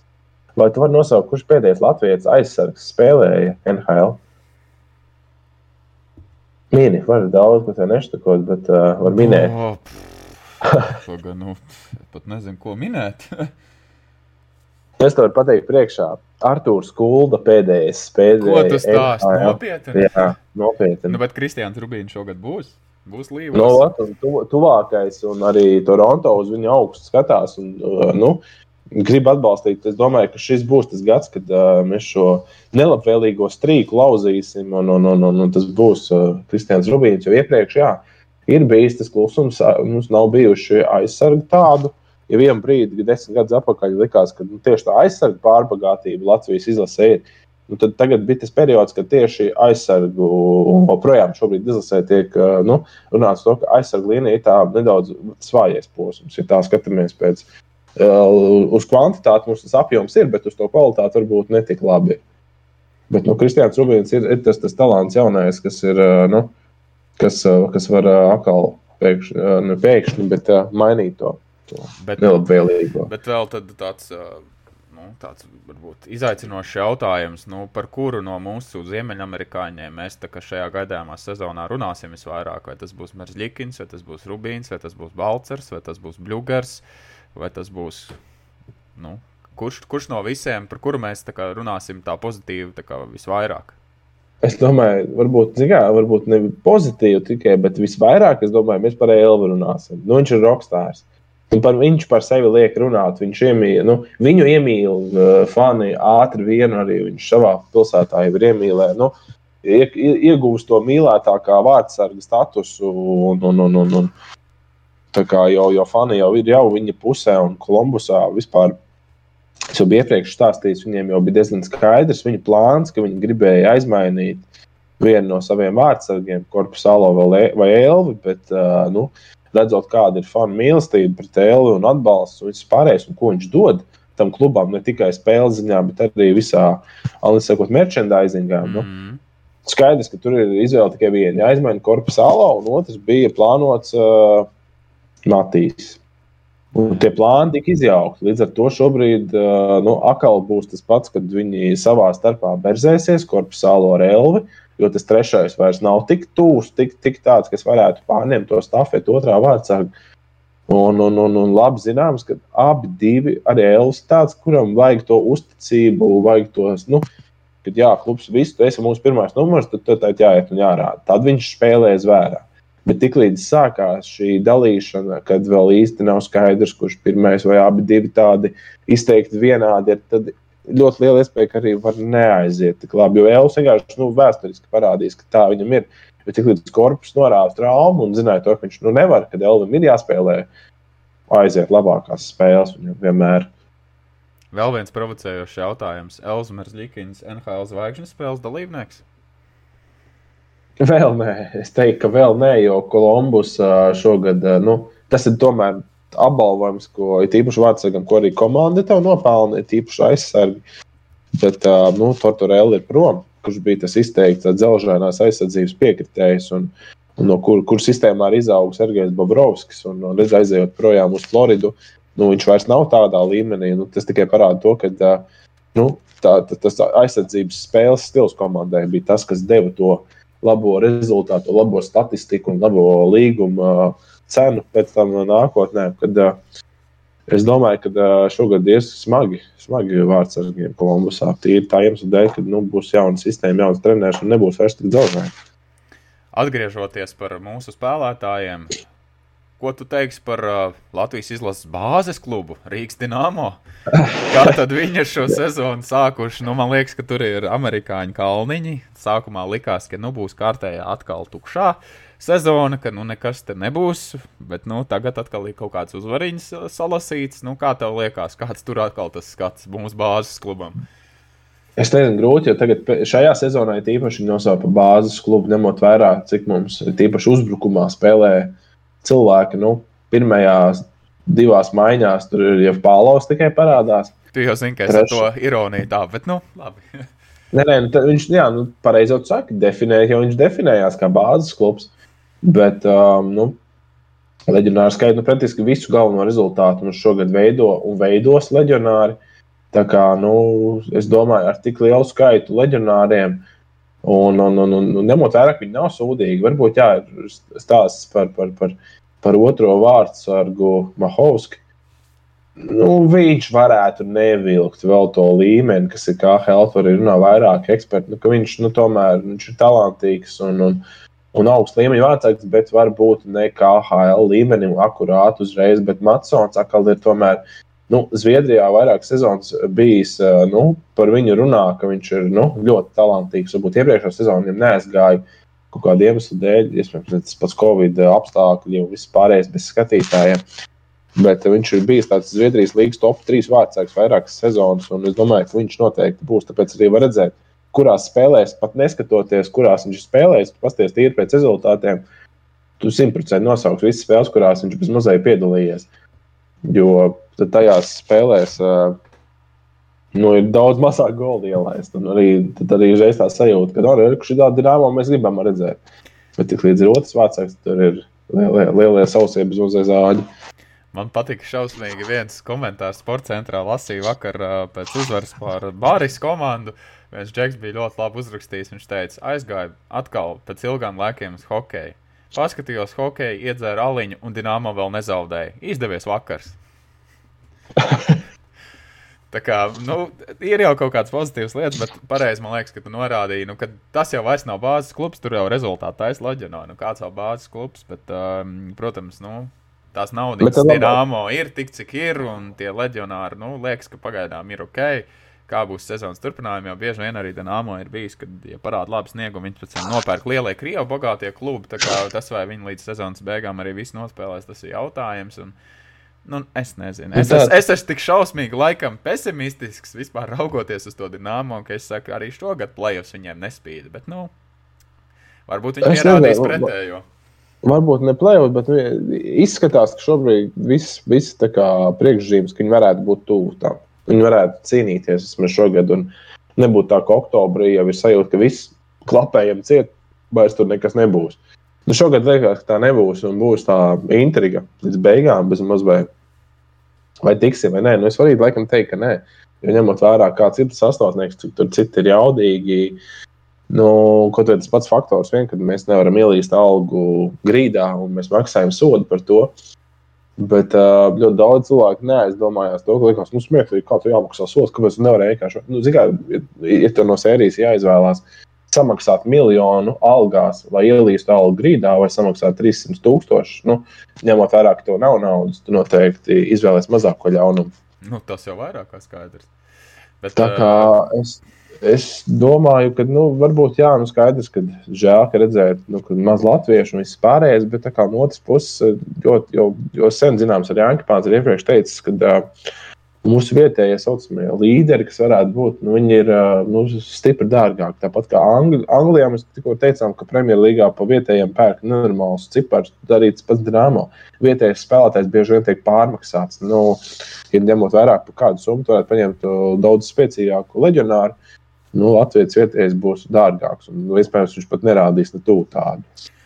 Plusā latviešiem ir tomēr konkurences trūkums. Mēs neesam tik liela hokeja nācija. Labākie nu, mums ir tā, labi, un līdz ar to tā. viņi prasīs to milzīgo ciparu. Jo viņi zina, ka viņiem pieci ne, neelpo pakausī nu, uz to tavu vietu. Nu, līdz ar to to ciparu var prasīt lielu. Nu. Un tas arī iespējams ir tas, kas mums, kamēr mums nav tā kvantitāte no sērijas, kamēr mums nav ļoti, mums, mums, mums ir beigās šķirbi, tā, tā kā arī basketbolā tas jūtams. Mums ir tie top līderi, tie, tie, tie nu, kas ir izlases kodols. Un nolaists nost, tā starpība nu, ir baigāka. Nav mums tāds vidusslānis, kas varētu arī drāmot, nākt tur un, un, un būt, kas gatavi tur par mazām naudaiņām, nu, relatīvi mazām naudaiņām spēlēt un, un mēģināt mums iztēst, nu, maz jau tādu. Nu, vienīgais, kas ir pluss tam dīnāmā, nu, kad leģionāriem ļoti patīk Rīga. Viņi par to klubu kopumā izsakās labi, labi tur tās uzvaras. Bet uh, nu, tādā ziņā, ka šī sezona būs labāka nekā pagājušā, es domāju, tas vairāk kā skaidrs. Man šķiet, ka Broža, nu, uz Broža Twitterī ir rakstījis, ka tagad Dienāmo pamatlaikā ir divas uzvaras pēc kārtas, ka tas bija pagājušā sezonā pēc, nezinu, kur 40. 40 jā, 40. mača. Tā, kā, jā. tā kā ir jau arī kaut kāds pozitīvs tendences. Bet, nu, es saku, man laikam ir tik ļoti liela sāpes to Dienāmo, ka viņi tik, tik daudzus gadus ir bijuši tik slikti, ka es laikam viņiem neticu. Jā, bet, zinām, nu, tu, jau, tu jau esi fans. Uh, nu gan, gan zaudējumos, gan uzvarās. Nu, tu nevari tikai par viņiem firēcāties, tikai teikt, ka viņi brīdī, kad viņi ir plēsofos. Nu, tā kā tev ir jāiziet tam sliktajam ceļam cauri, un jebkuram klubam tādas problēmas ir bijušas. Jā, man starp citu, pats pastāstīšu vienu atgadījumu, ja mēs atcerējāmies pēc Nāmo. Gāju uh, pa ielu, satiku vienu pazīstamu džeku, kuldīgā, un, un, un, un viņš man sa saka, nu, kur tu dodies? Es saku, es iešu nu, pastaigāties, un es viņam prasu, ko tu šokar. Uh, Ē, nu, tur kaut kāds hokejs, kaut ko paskatīšos. Viņš, es viņam saku, nu, ko tu skatīsies? Dināmo. Es saku, vai tu kāds vispār Latvijā sako par Dināmo? Viņš saka, paskaties, mans cepurīts. Viņam cepurīt ar Dināmo logotipu. Tā kā nu tā, viņš viņu aizvainoja, bet, nu, vienādi sakot, man liekas, ka tā, tas fanu pulks, kāds bija sākumā, kad mēs tur sitām skā un CSK, un kad bija tas Kosas un, jā, un Elisona, un ka bija tas sastāvs jaudīgais. Nu, es domāju, ka tas ir senais gaisa etaps, ka tā vairs laikam nekad nebūs. Nu, nevar teikt, ka nekad, jo kā, nu, arī uzvaras nes sāk nes naudu. Tas pats raidtiesības, arēnas pilnās, un, un, un tas arī KL naudas sadalījums. Un, uz, uzvaras sāk barot arī, arī maciņu. Es, es domāju, ka tas tāds, nu, ir tāds kāpais posms, kam jātiek pāri. Jo, nu, es tomēr negribētu tā norakstīt, jo bez, bez Rīgas dīnāmo nu, varētu tā skarbi runāt, jo, nu, kur, kur tu, tu fano dīnāmo. Bet mums jau nav vispār citu alternatīvu. Mums nav neviena augsta līmeņa kluba, kas varētu spēlēt tādā internacionālā līmenī. Nu, nu, Rīgas VF varbūt vēl tur kaut ko bišķi lēkā no muguras pēdējās sezonas. Bet, bet nu, tas ir viss. Mums nav vairāk. Nu, nebūtu Rīgas dīnāmo. Nu, pilnīgi vispār nav kam Latvijā sekot līdzi sezonas laikam. Nu, tik cik mūsu leģionāriem, nu, kas ir līderi citās komandās. Nu, tas liekas, Jā, bet, tāds, bet, nu, tas bet jau... nav iespēja nekur aiziet klātienē, redzēt augstu līmeņa sacensības. Nu, nav. Tā kā sporta centra komentētājs nu, aizgāja pastīties hoķi, iedzēra aliņu vēl vinnē. Nu, laikam jau tad labs, labs vakars bijis. Nu. Nu, tieši, tieši tā, tā kā es saku, nu, tas ir. Bet, bet tā kā, ko es vienā citā podkāstā klausījos, ļoti daudz ir priekšnosacījumu pilnām arēnām, un daudz cilvēkiem ir, kurās dienās iekrīt spēles. Skaidrs, ka uh, statistiski labāk, labākās dienas ir, kad iet uz spēli. Nu, nu, kad tev brīvā nu, jā, piekdiena, piekdiena, sestdiena. Mm. Ņemot vērā, ka Džeki tur skaitīja vairāk mēnešu līdz kaut kādam februārim, mums ir spēle piekdienā vienu reizi un sestdienā divas reizes. Visas pārējās ir darbdienas. Tad tur tā ir tikai tāds klases ekskursijas, kur brauc skolnieki. Nu, Paskatīties, skaidrs, ka, tu, ka tu aiziet vērā, jā, bet ja tu esi rīznieks, piemēram, nu, arī, nu, tam arī, arī rīzniekam interesi ar par tiem pašiem draugiem, nezinu, vai divi tā aiziet, nu, mierīgi, zināt, vakars brīvs aiziet uz, uz hoķī. Nu, pat vai, zināt, ne tur neesmu vēlākais fans, bet, bet, nu, ir, ir tev ko redzēt. Tas pats tā kā teātris, nu, tas ir tikai sports, nu, tu arī tāpat aiziet pabaudīt. Bet, ja tev lielāko daļu spēles ir uh, ne piekdienā, ne sestdienā, nu, tad, tad skaidrs, ka arī tas apmeklējums būs zems. Par, par raitiesībām runājot. Uh, Tu zini, ka mums tāds sāpīgs abiem jautājums ir par to, ka Latvijā ir tāds baigais kašķis šobrīd starp divām kompānijām, GO3 un Vieplay par tiesībām, un tad nevar saprast, kā maksāt savu naudu, kur ko skatīties, kur ko var redzēt. Man bija aplausiens, skatīšos to līdz Champions League. Champions League vairs GO3 nerāda. Viņiem vēl līdz nākamajam gadam ir tikai Premier League. Champions League kā Viaplējam. Nu, tur tagad mētājies. Ej, nu saprotu, kur tu ko var redzēt. Un neliekas tā bišķiņa, tā kā tā, nu, nezinu, galvas sāpes. Tas tā rāda, ka viss nav viena vieta. Nē, nu, ir tīpaši, ka teicu, divas ir pat reāli trīs uh, kompānijas, kas cīnās ar Viaplay, GO3 un Tecel. Pēkšņi laikā no muguras arī tagad pēdējā brīdī Bet tas ir šausmīgi, šausmīgi. Jā. Tā ir tāda mūsdienu skarbā realitāte, kad, nu, kad laikam nopirkt televīziju, samaksāt varbūt vairāk, bet skatīties visu vienu vietu, nu, laikam tādu iespēju vispār pat nu, nav un nebūs. Tas ir, nu, es, es būtu labprātīgi gatavs to, nezinu, kaut kādu naudu pielikt, lai redzētu tos pāris kanālus, lai es nezinu, varētu redzēt to Champions League, to KHL, pie savas, nezinu, vietējā providerā, nezinu, vienā tajā platformā, nevis uh, pirkt tur. Oh, GO3 man būs KHL, Viaplēs Champions League, un teica tur tenisam. Nu, nu, suje, nu, tas ir ārprāts. Es labāk maksāju to, ko tev visu to naudu vienā vietā un skatos, un, un nevis lēkāju ap tām platformām. Un tas ir, tas ir tas, kas man visvairāk nu, nepatīk. Kad nu, varbūt ir izslēdzot to naudas faktoru, bet tas maz, kad, nu, Nu, tad, lai tev ir iespēja vienā platformā to visu redzēt, nevis katrā vajadzīgas to, trīs aplikācijas, un visur jāpārspēj. Trīs lietotāju vārdu un trīs paroles. Un... nu, jā, tur jau, tas, tur, jau, tur jau tas absurds ir, ka viņi varētu savus tos kanālus dot citiem, bet, nu, piemēram, par papildus samaksu. Tu to vienu kanālu, nezinu, tur 6 eiro vai 3 eiro piemaksā un redzi, no, nu, jā, tad ok, tad davai, ņemam, darām. Bet nu. šitā var pilnīgi roku neceļās, vēl tur ņemt, tur vēl tur kaut kādas sporta paks no citiem provideriem. Tā kā pagaidām neviena no šīm minētajām kompānijām mūs nesponsorē, mēs ceram, ka tas tā mainīsies, ka mums būs kāds ģenerāls sponsors, tad mēs varam tā brīvi izteikties. Nu, izskatās, ka šobrīd uh, GO3 paliks tāds stipri nabadzīgs, jo nākamgad viņiem nebūs Premjerlīga, Vieplējiem būs arī Premjerlīga, viņiem būs Champions League, viņiem jau ir Champions League, tad, tad viņiem vēl ir uh, Bundeslīgas spēles. Nu, tur liekas, tas klāsts tāds stipri būs piesātinātāks, un arī visi lielie futbola čempionāti arī būs Vieplējiem. Nu, es jau teicu, nu, kad savu 10 eiro laikam no GO3 man pāries uz Vieplēju pusi. Nu, tikai jautājums, jā, nu, no tāda varbūt atkāpšanās no sporta vai jautājums, vai, vai tas ir tas sporta līdzjutējs, kas viņiem ienes to galveno piķi. Man liekas, ka GO3 vairāk pelna uz visiem šiem latviešu cringy seriāliem nekā uz sporta. Viņas melo labāk un uz visiem saimnieks meklē sievu. Jā. Nu, labi, nu, tos arī var redzēt parastajā nu, televīzijā. Bet, bet, bet, bet dzelzceļa šovi un vispārējais, kas ir tikai, piemēram, GO3, un, un, un, un, nu, kurš, kur dēļ arī cilvēki ir gatavi iet uz viņu, uz viņu saturu, pirkt un maksāt. Un es domāju, tādu cilvēku daudz vairāk nekā sporta cilvēku. Nu, tas gan, nu, nebaidies ne no kā, jā, Ronalda privērta, jā, grāmatas, uh, ekranizācija arī seriāls, jā, jā, kas bija GO3, jā. ko es ar lielu interesi noskatījos, un tas tiešām bija kaut kas priekš latviešiem neredzēt interesants. Uh, Tā kā, nu, tā kā redz, tad, tad, tad, tur ir tas, tas ka, jā, nu, kad iespējams, nu, vieplais, jā, varbūt paņēmis to lielo sporta daļu, bet vai viņi tiešām būs uh, līderi skatītāju lomā? Nu, tā no. Nu. neitrāla atsvērta. Es laikam teiktu, ka tāpat GO3 būs zirgā. Nu, tāda maza piebilde vēl, kamēr mēs pārējām tālāk. Man liekas, ka tomēr lai vai kā, tad tomēr futbols ir populārākais. Viens no populārākajiem, protams, arī futbols un hokejs, bet tādā ziņā, ka futbolu mīl skatīties daudz, un es domāju, ka tur nu, būs tie skatītāji arī tiem vienplējiem.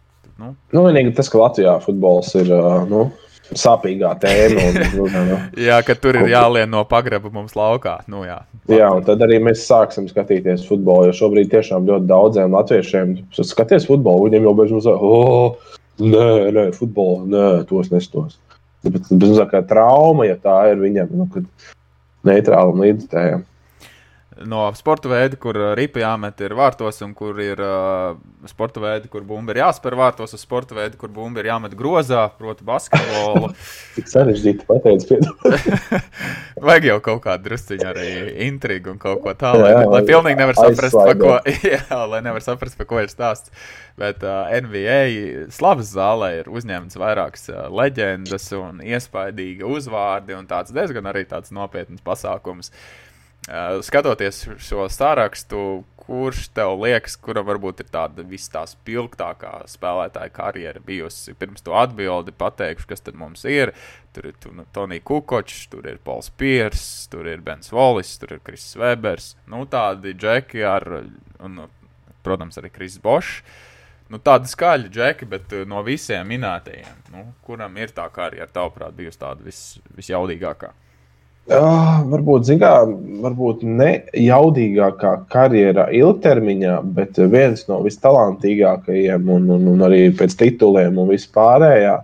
Viņš vienīgi nepaspēja aizvadīt pilnu to karjeru ilguma ziņā, veselības problēmu dēļ, ir Kris Bošs. Es uzskatu, ka arī viņš ir no šī saraksta, nu, nu viss, viss, viss titulā, ne, bet kā lai nosaukt. Nu, šī saraksta iemīja piesteigt, tā varbūt. Nu, man liekas fantastiski, ka Bens Wallis ar Detroitas Pistons uh, komandu jā, spēlēja. Viņš četras reizes, ja nemaldos, bija uh, aizsardzības spēlētājs. Četras reizes, sezonas aizsardzības spēlētājs, kad nedraftēts. Viņš no, nu, nenodraftēja. Viņa kā nedraftēto spēlētāju paņēma. Nu, tas liekas vienkārši tā diezgan nu, prātam neaptveram, ka arī nu, tā, tā var būt, ka tu vari būt tāds underdogs, nu, uz kura neviens tā kā baigās cerības nel neliek, bet beigās tur tādu baigo tādu darbu un tādu, jā, baigo kapāšanos izcīna to, ka tu esi slavas zālē. Nezinu, nu, tas ir vienkārši tik. Uh, Tik liels gods. Ja jau olimpiskais zelta liekas kosmos, nu tad slavas zāle jau ir jau next level. Vēl. Ņemot vērā, ka uh, nu, vienīgais olimpiskais medaļas ir Krisam Bošam no šīs saraksta. Nu, zelts uh, Pekinā 2008. gadā. Uh, Nu, arī Pols Pīrs, kurš ir šobrīd 19. vietā NBA pēc eh, kopējiem punktu, punktu skaita 26,000. Nu, viņam nav olimpiskā bļemba. Hmm. Nu, viņam arī bijusi laba karjera. Viņš Bostonā nu, tomēr ar to titulu kopā ar Gārnetu un, un Reālenu un Ražanu Rondo atveda. Bet liekas, ka brīžam viņi baigi tā komanda baigi uz tiem uz lauriem guļ uz to vienu nopelnīto titulu. Jā, nu, man arī, es, kā skatoties to sarakstu, nu, Pauls Pīrs man kaut kā nav nekad īsti paticis. Es ne, es grūti pamatot, viņš nav nekad bijis beigās tāds nu, izlaicējis vai kā, bet kaut kā, nu, nu viņ, viņš arī nekad nav bijis tāds, nu, kas noteikti, o jā, bez viņa nekādīgi. Nu, es nezinu, man liekas, ka Bostonā tagad nu, būtu cits Paula Piersa uh, līdzīga tipa spēlētājs. Tāpat viņi būtu izcīnījuši titulu. Domāju, Bostonā tajā gadā bija ļoti labi. Man liekas, tas galvenais aspekts bija tas Kevins Gārnis tomēr tajā sezonā. Mm. Nu, viņiem bija, es saku, viņiem bija Reis Alens kā šūters, kas varēja izcilt trojkas, samest Rondo, kas lasīja spēli, Gārnets ar savu raksturu, un, un Piers arī, kas varēja kā, izšķirošos brīžos noslēgt. Nu, viņiem bija ļoti labs sastāvs, tas, tas skaidrs, jā, bet uh, vēl liekas tādi jaudīgi čaļi no šiem, Uh, Kris Vēbers arī Sakramento bija vienkārši monstrs, kā garais spēlētājs. Arī viņam tur šis tas patraucēja varbūt būt tādam vēl, vēl augstāku līmeņa spēlētājam. Nu, tu, Tonijs Kukučs, nu, tas, tas skaidrs kopā ar Maiklu Jordanu buļļos arī. Nu. Taču Tonijs Kukučs tikai tagad tika uzņemts. Es kaut kā palaidu garām šo faktu. Man viņš nemaz manā, manās pierakstos nemaz nebija. Es tev Atsūtīšu to. Nē, nē, to... Varbūt, varbūt es galīgi saku, palaidu garām, bet uh, es tā kā nošakējos, ka Tonijs Kukučs, tad es arī būtu vairāk par viņu runājis, tāpēc es biju bišķiņ, bišķiņ uh, šokā par viņu.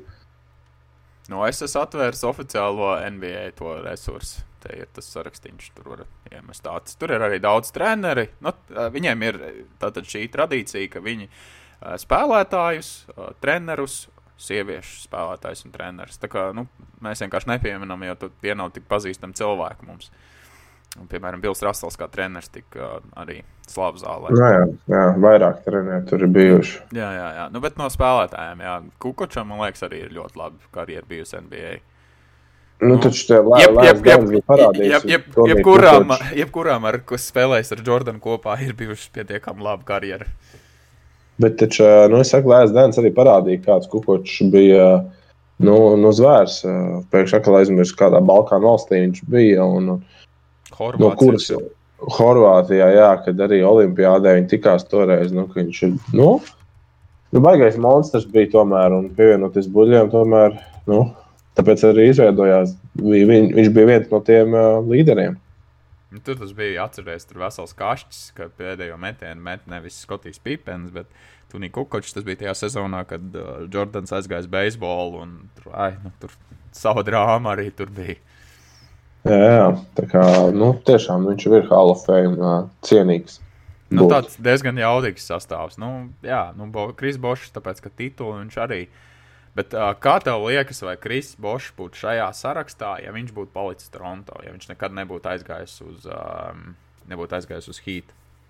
Uh, nu, ja izslēdz, jā, nu, ja izslēdzam to titulu ar Heat, bet tāpat viņam bija nu, labi. Nu, es nezinu, grūti teikt, bet. Nē, nu, viņš jau Toronto, viņš bija tur līderis. Tas viņš bija lielāks līderis. Viņš bija mm. izteikts līderis, viņam 19,2 punktu karjerā ir.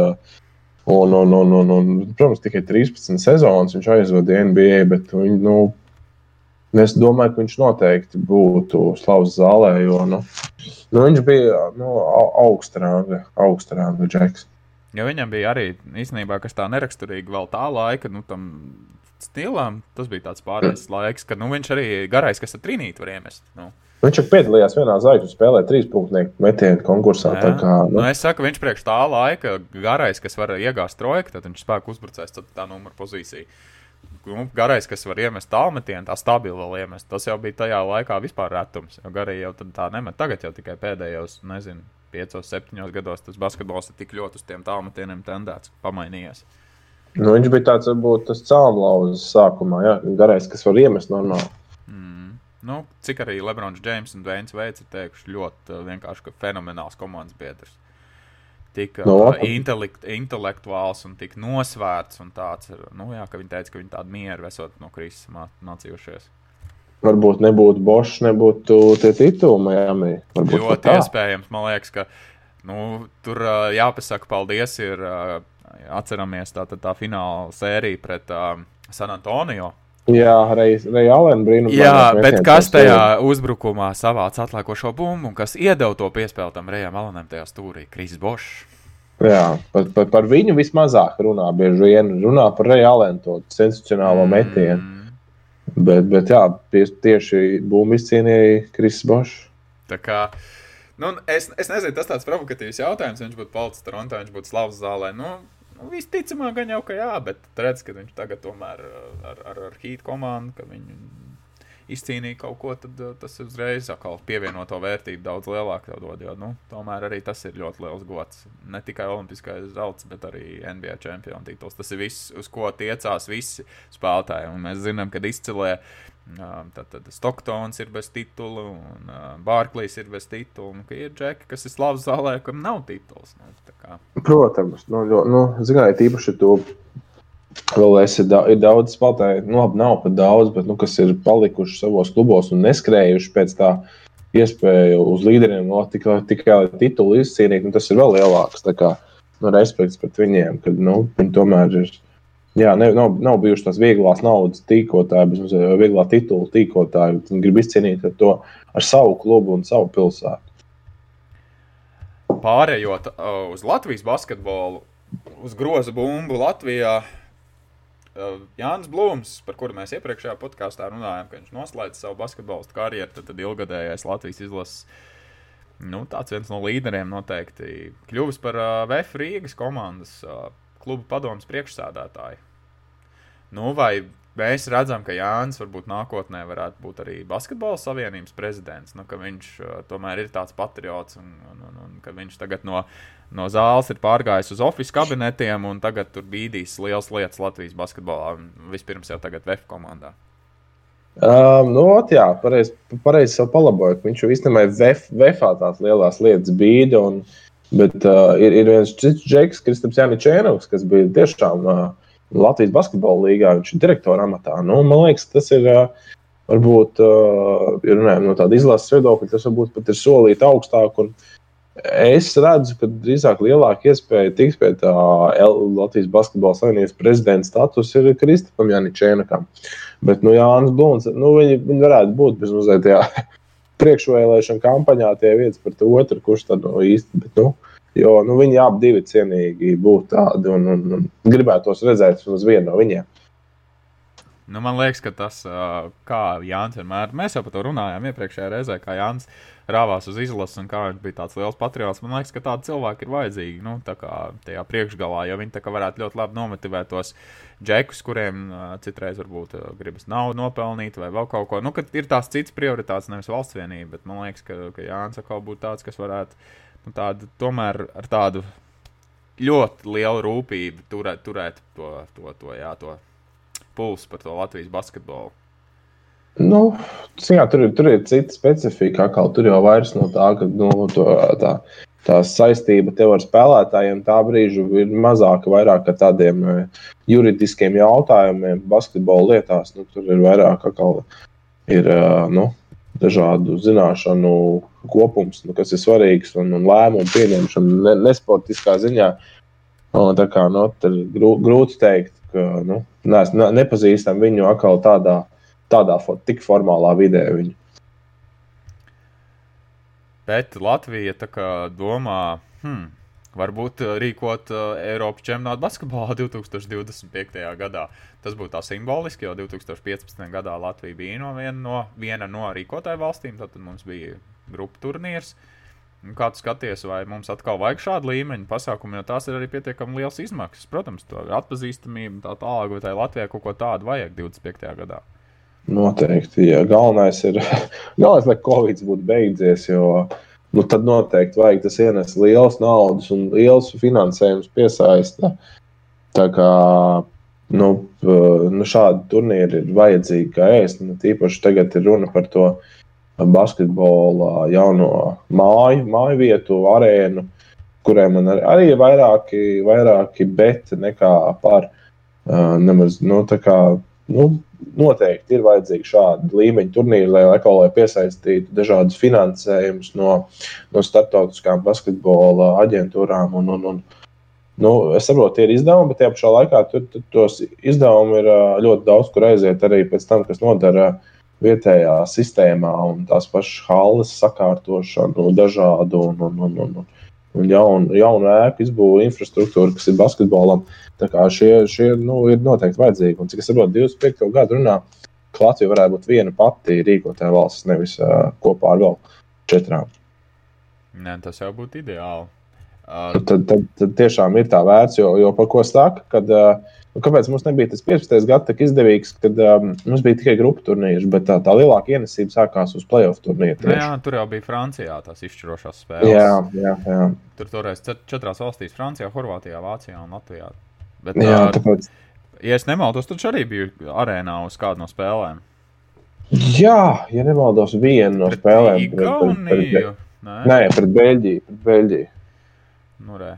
Un tad jau bija arī, man liekas, es atceros, ka mēs runājām, ka, nu, ka tā ir fantastiska atmosfēra, ka tu, nu, kad ir šitais lielais čempions, nu, mājās savu skatītāju priekšā. Un es atceros, ka arēnā tur vispār tāds troksnis un tā, ka tas atbalsts bija fenomenāls.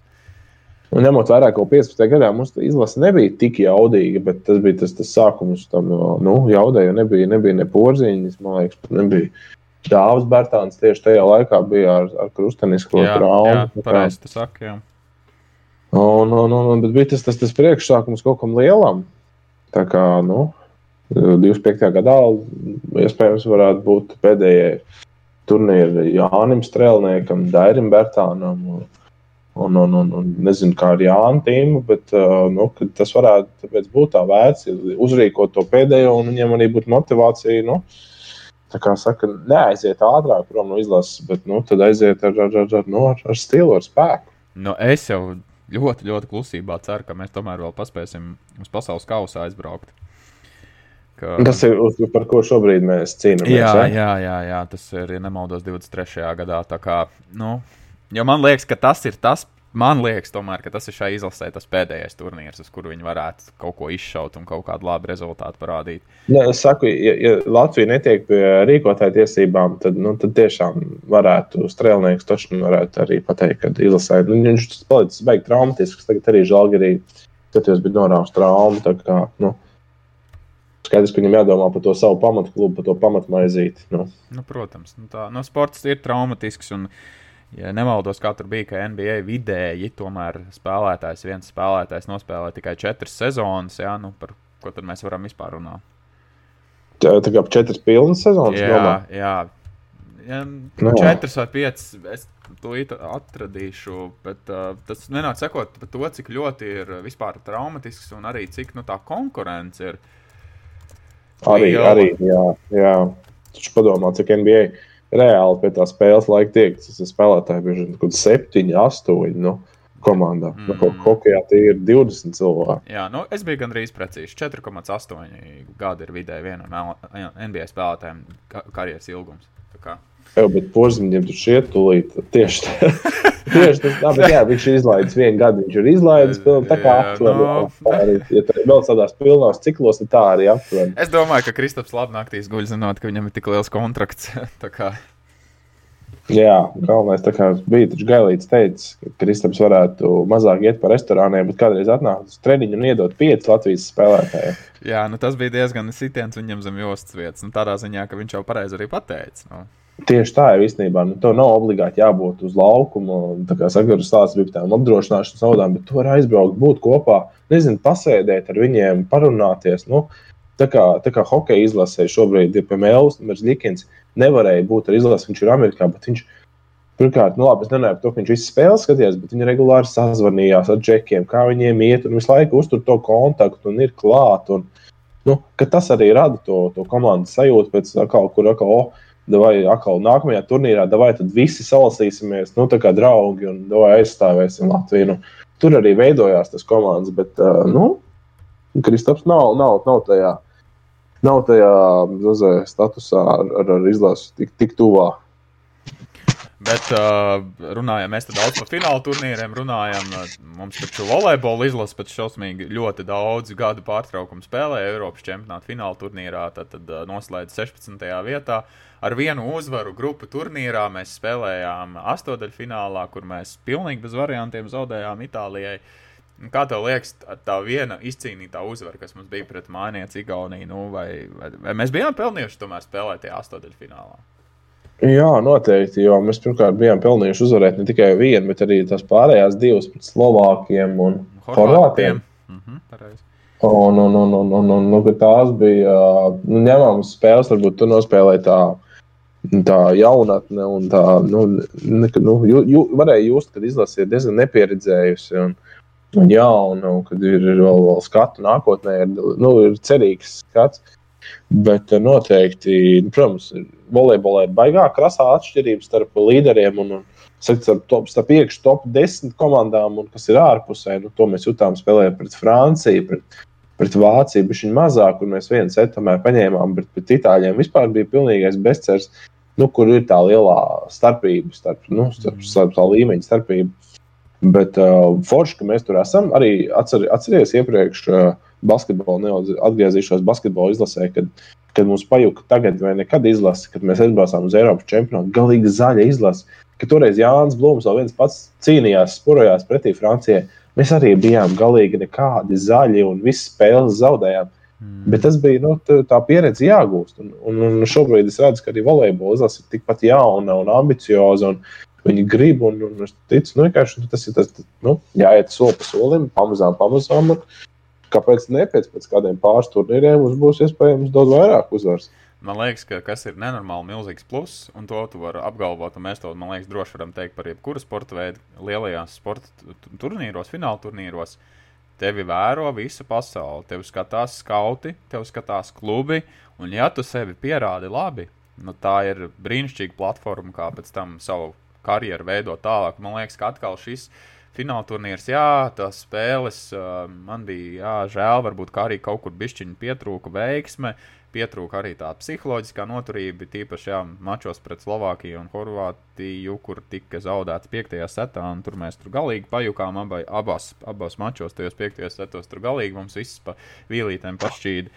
Bet tā pieredze ir neatsverama, un es domāju, ka akal jau Un atkal tas ir tik šausmīgi saistīts, tāds tā kā domino. Ja mūsējie spēlēs labos klubos, tas nozīmē, ka mūsējie uh, trenēsies ar labākajiem, spēlēs kopā ar labākajiem, atkal līmenis augsts. Bet vienīgais amizants likās, ka uh, Alvo Kēls, tad izlases treneris, Igaunis, vinnēja Igauniju, savu, savu dzimto zemi, un tagad viss fināla turnīrs beidzās. Viņš teica, viņš vairāk Latvijas izlases netrenēs. Uh, Nu, tas bija tāds, jā, Eglis Kalns teica, ka tas bija tāds negaidīts nedaudz šoks. Bet tā kā no vienas puses, nu, iespējams, Džeks apzinājās, nu, ka viņš ir izspiedis no šā sastāvā maksimumu, ka viņš nu, aiziet kā, kā, mums, kā labākais. Nu, kā tajā brīdī, kad viņš, nu, saka, iespējams, redzēja, ka tālāk īsti neko nevaram. Nu, nezinu. Nu, man liekas, ka, ka, ka, seš, nu, ka no 24 izlasēm, ka mēs 16. Nu, tas jau liekas arī kosmosā. Ja mēs pirms tam runājām, nu, tik, tik tā astotdaļfinālā, nu, liekas, tik šausmīgi grūti, nereāli. Mēs tur tādu pastarīšu, bet, nu, redz.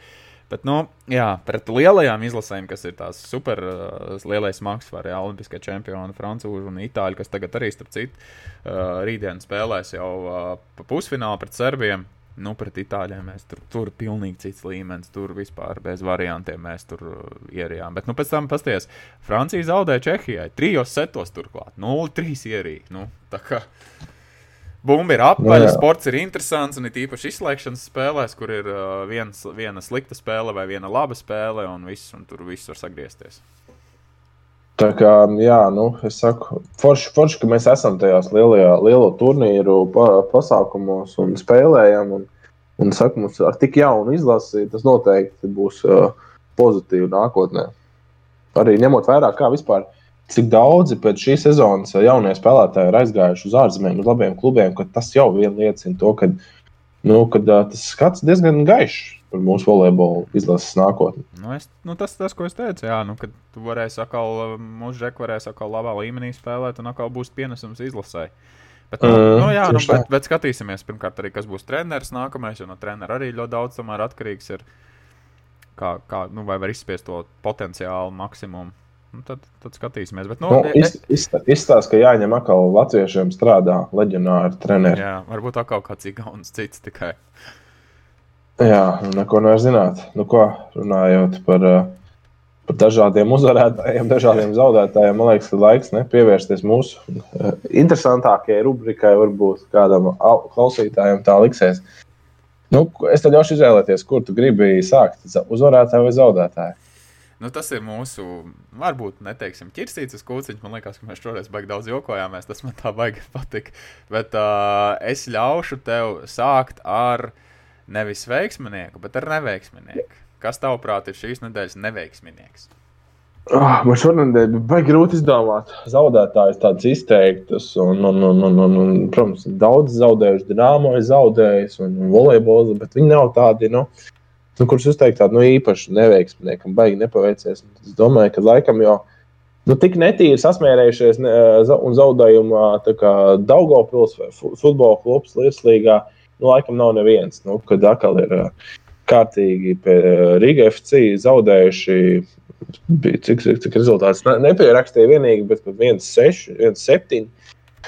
Nu, nu, nu, aizdomas par uh, vairāku centra aizsargu dīvainām darbībām un atkal kārtējais Toto skandāls. Un, nu, kad atkal, nu, es nezinu, ja mēs runājam, kur ir tā futbola problēma, nu, kur iespējams tā ir viena no tām, nu, kad mēs. Kad mums beigsies šis totāls skandāls, sarunātās spēles, iespējams, mums arī tā karma pagriezīs nedaudz citu skatu, un varbūt arī mēs sāksim vinnēt nu, augstākā līmenī. Nu, Jā, diemžēl tāda ļoti nelāga smaka ir pār Latvijas futbolu un pār totalizatoriem. Bet, nu, tas iet roku rokā ar to, ka nu, tas atalgojums jau nav tāds šeit Latvijā. Līdz ar to ir šausmīgi kārdinoši nu, paņemt kaut kādus kukulīšus un uzspēlēt un uzlikt likumus. Jo savukārt tajās lielajās līgās, kur ir miljoni apgrozās tiem spēlētājiem, nu, viņi jau nav ieinteresēti ņemt neko un iespaidot, jo viņi jau ir labi atmaksāti. Jā, bet kāpēc es baigi neesmu dzirdējis, piemēram, tie pašā Lietuvas līgā, ka nu, tur neesmu dzirdējis tos totālus ir. Jā, ir arī tur. Ir tāpat? Ir tāpat, bet nu, vienkārši par to tik daudz varbūt nav runāts. Kā ar tavu nedēļas zaudētāju? Nedēļas neveiksminieks.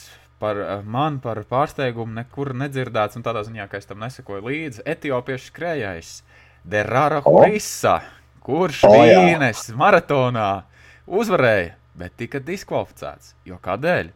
Jo viņam bija nepareiza sporta apava.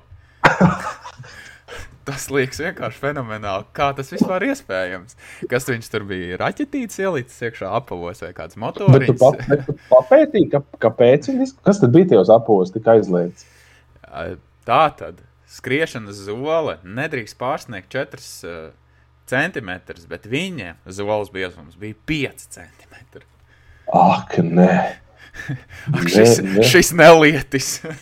šis ļaundaris. ja domāju, tu uzvari maratonā, tu noskrien 42 km un beigās tev, nē, nē, vecīt, tu šmaucies. Tev pa biezi, tev pa biezi boks ir. Tev pa vienu centimetru. Ar lineālu nomēru komiteju, tev pa vienu centimetru biezi appaut. Man liekas, nu tik smieklīgi. Nu. Bet, gais, mēs par šo bijām runājuši, kad uh, sportisti piedalās, izcīna to vietu, un pēc tam tikai konstatē to faktu. Jā, jā, jau kaut kas nav riktīgi. Kāpēc to neizdarīt? Pirms tam viss iziet tur kaut kādas kontrolas, saprot to, ka, no, jā, nu, kā, tomēr, tas tomēr, kas ir, ko nozīmē noskriet 40 km maratonā un tīpaši uzvarēt viņu? Nu, ko tas prasa no tā sportista? Un beigās, lai to pateikt, kaut kādu strunku dēļ, to diskolu. Nu, Man liekas, nu, pilnīgi tāda piečakarēšanās, tāda kaut kāda burtkalpība vai kaut kāda tam līdzīga. Nu. Nu, tas ir tieši, tiešām jā, kaut kāda li likuma kalps, vai nē, re, kur rakstīts tā, un jā. tur nav variants. Saka, jā, jā, tur tas viens centimetrs, nē, nē zāģē nost. Jā, nu, bet, no vienas puses, kā padomā, nu, kas arī tie par uh, sporta apavu ražotājiem, nu, ja, nu, ja ir tāda prasība, par kuras var pirmo reizi bija lietas kursā, nu, kāpēc tad ir nu, tāds inventārs, kur, ar kuru tu vari vispār arī pēkšņi nešaut garām? Tā kā šis ir nedēļas ne, veiksmīgi, neveiksmīgs. Tā kā uzvara, bet zaudē. Jā. Bet kas ir tavs uzvarētājs vai nedēļas veiksminieks? Manas nedēļas veiksminieks ir uh, hokeja klubs. Hmm. Bet uh, nevis mums ierasties drāmā hokeja klubs, bet hokeja klubs Rīga.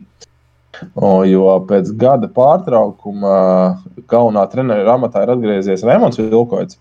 Viņi ir ļoti labi iesākuši sezonu. Četrās spēlēs trīs uzvaras. Šajās spēlēs uzvarot ar vārtu attiecību 14, plus 8. Un, un, un, un, nu, izstāsta diezgan cerīgi. Un tieši tā, ja runājam par jaunatni un, un par skatu nākotnē, tad nu, hokeja klubs Rīga ir nu, tuvākais. Tas, tas nu, galvenais tas mūsu bāzes modelis jaunajiem hokeistiem. Un, kā nu, Akala saka, iepriekšējā sezonā nē, bet aizpagājušajā ar Raimondu Vilkotu viņi tika playoffs, kur arī viņi kādu brīdi nebija spēlējuši. Pagājušajā sezonā netika, jo Vilkots arī bija uh, asistents Pēterim Skudram Dienāmo. Tad līdz ar to arī nu, es tā baigi valku paralēlās, jā, ka tas būtu galvenais faktors, bet nu redz, ka tomēr domāt daudz, ko tas nozīmē, un klubs netika plēsoņos, un es nīkuļoju pagājušajā sezonā. Nu, tā kā šogad atkal ir iespējams cerība uz labu sezonu jaunajiem, un nu, iespējams atkal kāds no malas un no augšas ieraudzīs uh, kādu jaunāku talantu, un, un tas var atkal pavērt ceļus uh, tālāk. Uz, varbūt uz ziemeļiem, vai, vai, vai, vai uz kādām spēcīgām uh, Eiropas līgām. Man nav ko diži tev piebilst, tas var tikai pievienoties, bet man savukārt ir uh, Uh, interesanti, ka man ir neveiksmīgi veiksmīgs. Es paskaidrošu, kāpēc. Tad pagājušā, nedēļas, pagājušā nedēļas nogalē uh, pirmajā formulā Itālijas lielā balva Monte Strasa. Un uh, Lūsis Hamiltons saduras ar uh, Maksu Verstapenu. Un, uh, tur tā, ka Verstapena mašīna lido pāri Hamiltona mašīnai, un viss tā kā beidzās uh, veiksmīgi. Bet pats Hamiltons pēc sacensībām pateica, ja viņam nebūtu bijusi, nu, kakla daļā tāds tā kā plastmasiņš, kas tur to sportistu galvu. Viņš teica, ja nebūtu bijis tas plastmas, viņam būtu sprāna salauzta. Tā kā viņš ir uzvarētājs, ka viņš ir vispār dzīves pēc šīm sacensībām. Kā... Nu, jā, jāstāsta arī tādā ziņā, ka nevienmēr tā avārija tev izsit no no tās sporta vietas, bet arī, nu, kad jūs uzvarētājs tieši, kad jūs izdzīvosim pāris skrambiņām. Jo mēs zinām, ka F1 ir tik šausmīgi, ir, nu, ir ļoti traģiski gadījumi. Ir bijuši, ka sportisti arī reāli aiziet bojā ar Tonu Senu. Un uh, atcerējos, kādreiz Nikija Lauda, nu, viņš gan nenomira, bet viņš uh, ļoti smagi arī izstājās. Viņam tur plauš, plaušās tur dūru, un, un nu, viņš aizdegās mašīnu viņam trasē. Un, bet viņš jau nesen, nesenā pagātnē ir uh, šajā trasē aizmirst pēkšņi jauns, jauns talantīgs uh, braucējs. Arī nomira uh, gadus pāris apakaļ īstenībā tikai tā kā. Nu, Nu, tie motosporti tas... ir šausmīgi, šausmīgi viņam bīstami. Nu, tā kā Lūsis Hamiltons šoreiz ir uzvarētājs, ka viņš ir dzīves palicis un ka viņš ir tādā laimes krekliņā, jo tur uh, varēja ļoti, ļoti slikti tas beigties. Tā kā jā, uh, uz tādas pozitīvas, priecīgās, negatīvās slēgšanas nots, ja, varam varbūt. Nu, Mēs varētu finišēt, finišēt mūsu jā, jo es domāju, ka klaus, klausītājiem būs daudz ko sagramot, daudz interesanta, daudz, daudz smieklīga. Es gribētu arī piebilst, un nelikās tāda temata.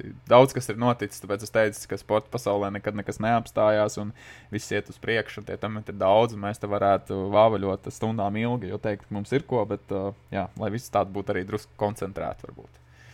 Tieši tā, tieši tā. Tā kā paldies tev un paldies visiem klausītājiem, kas klausās, un tad jau tiekamies atkal nākamajos raidījumos. Davai, čau, čau visiem! Jā, tā, čau!